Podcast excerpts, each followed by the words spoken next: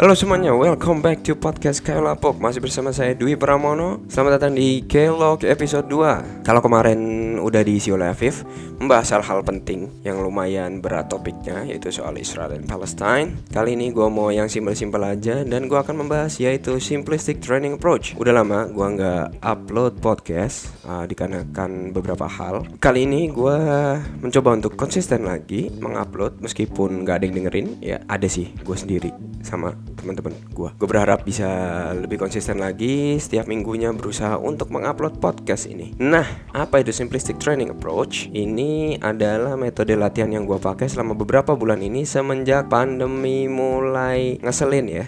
Jadi sekarang PPKM dikit-dikit ditutup, jalan ditutup, jalan ditutup, ditutup terus. Dan setiap minggunya diupdate Kayak main game, level 1, level 2, level 3, level 4 Level 4 turun level 3, level 3 turun level 2, level 2 turun level 1 Naik lagi level 2, level 3, level 4 Terus aja gitu sampai akhir tahun. Nah, oleh karena itu, gue jadi nggak bisa ke gym. Gue nggak bisa latihan di taman karena gue males kalau latihan ribet harus pakai masker ngos-ngosan. Padahal gue juga latihan nggak pakai masker aja udah ngos-ngosan, apalagi pakai masker gitu kan. Ya meskipun kenyataannya banyak dari kita yang udah divaksin, tapi ya corona gitu. Variasinya aja nambah lagi, bro.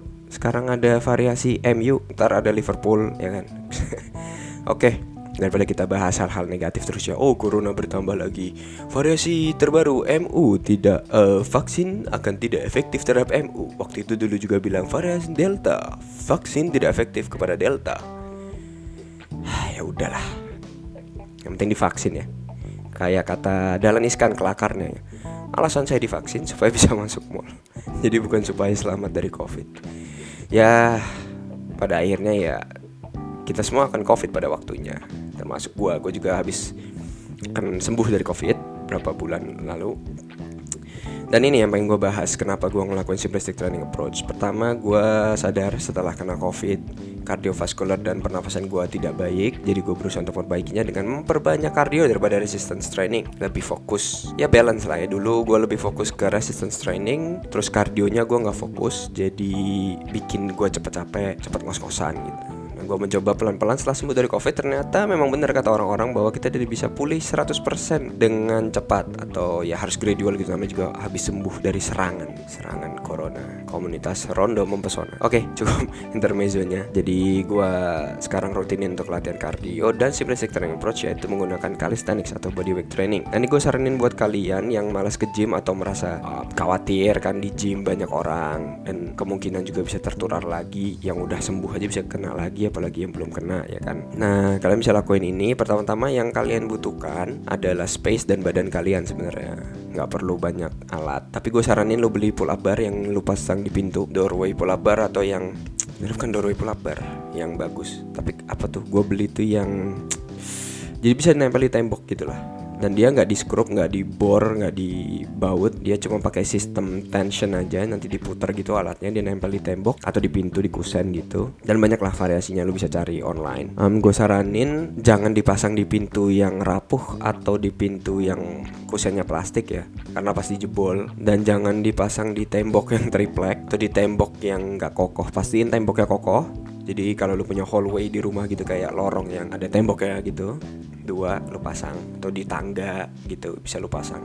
Dan setelah lu selesai latihan bisa lu copot kalau misalnya itu mengganggu. Cuman kalau gue sendiri gue pasang permanen di jem di lantai dua gitu di jemur tempat jemuran. Jadi ya sekalian bisa buat alat jemur juga gitu jadi multifungsi. Nah sebenarnya kita ini prosesnya simple ya. Gue lakuin ada full body split tapi kalian bisa lakuin bodybuilding split ataupun kalau bodybuilding split jangan deh mending upper lower atau push pull leg split ya karena kalistenik agak lumayan sulit buat isolasi. Jadi mudah aja buat orang-orang sibuk macam gua yaitu seorang karyawan kantoran yang kerja dari jam 8 sampai jam 5. Kadang tuh udah capek gitu pulang kerja harus latihan misalnya kayak dulu gue bisa latihan sejam atau dua jam di gym. Kalau di gym mungkin bisa karena ya kondisinya pasti beda ya latihan di rumah sama di gym. Di rumah tuh lu dekat dengan kasur lu dekat dengan TV jadi bakal lebih mudah untuk malasnya. Nah sebenarnya standing approach ini gue rasa cukup membantu untuk orang-orang macam gue kalau gue sendiri full body split gue lakuin empat kali seminggu sehari latihan sehari istirahat. Istirahatnya gue pakai untuk cardio jogging jump rope atau shadow boxing atau lu bisa lakuin yang lain sepedaan dan lain-lain dan di resistance training day-nya gue lakuin pull up untuk pulling movement atau gerakan menarik push up dan juga squats. Squatsnya variasi, pull upnya juga variasi standard grip, wide grip, narrow grip, so on and so forth. Dan untuk kakinya juga gitu. Untuk push up gue nggak ganti-ganti karena gue pengen fokus buat naikin repetisi push upnya. Target gue bisa 100 reps dalam satu set tanpa ngos-ngosan atau ya gampang lah gitu. Nah, simple ngelakuinnya.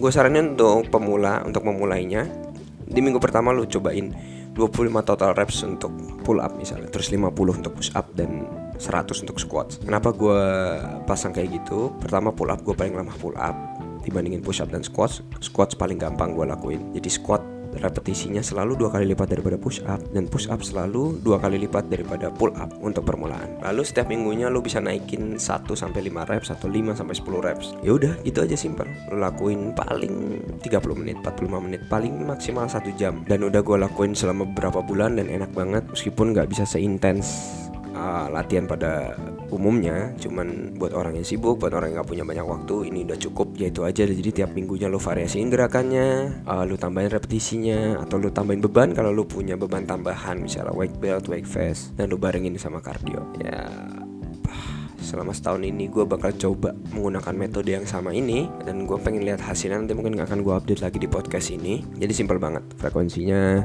lu tes setiap 4 minggu. Jadi misalnya minggu pertama masih 25 pull up nih ya. Total total reps bukan satu set ya total reps. Jadi bisa lu bagi 25 jadi dua set misalnya 13 dan 12 reps. Atau dibagi 5 set 5 5 5 5 terus lu variasiin gripnya atau gerakannya kalau yang belum bisa pull up lu bisa row inverted row atau assistant assisted pull ups sorry assisted pull ups pakai resistance band atau dibantu teman atau dibantu siapa gitu ya nah setelah 4 minggu lu naikin repetisi jadi minggu pertama masih sama, minggu kedua masih sama, minggu ketiga masih sama. Kalau dirasa minggu pertama udah terlalu gampang naikin minggu ke depannya. Tapi kalau enggak, tiap 4 minggu aja lu naikin.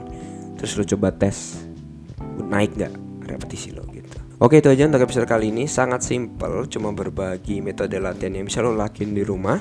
Oh iya buat yang misalnya lo nggak punya pull up bar atau nggak punya tempat buat pull up, saran gue sih mendingan lo lakuin burpees, push up dan squats. Udah itu aja udah lebih dari cukup untuk sekedar sehat dan lumayan fit lah ya ditambah kardio tentunya kecuali lu atlet lu butuh alat yang lebih lengkap dan latihan yang lebih kompleks tapi ya untuk orang-orang biasa macam gue itu udah cukup um, gitu doang. Oke terima kasih buat kalian semua yang udah dengerin episode Kelok kali ini. Uh, gue akan mencoba untuk lebih konsisten mengupload podcast ini meskipun ya semoga aja dengerin dan bisa bertambah pendengarnya. Dan semoga informasi yang gue sampaikan yang kami sampaikan di sini dari podcast kayu lapuk bermanfaat buat kalian semua. Sampai jumpa di episode berikutnya. Podcast kayu lapuk out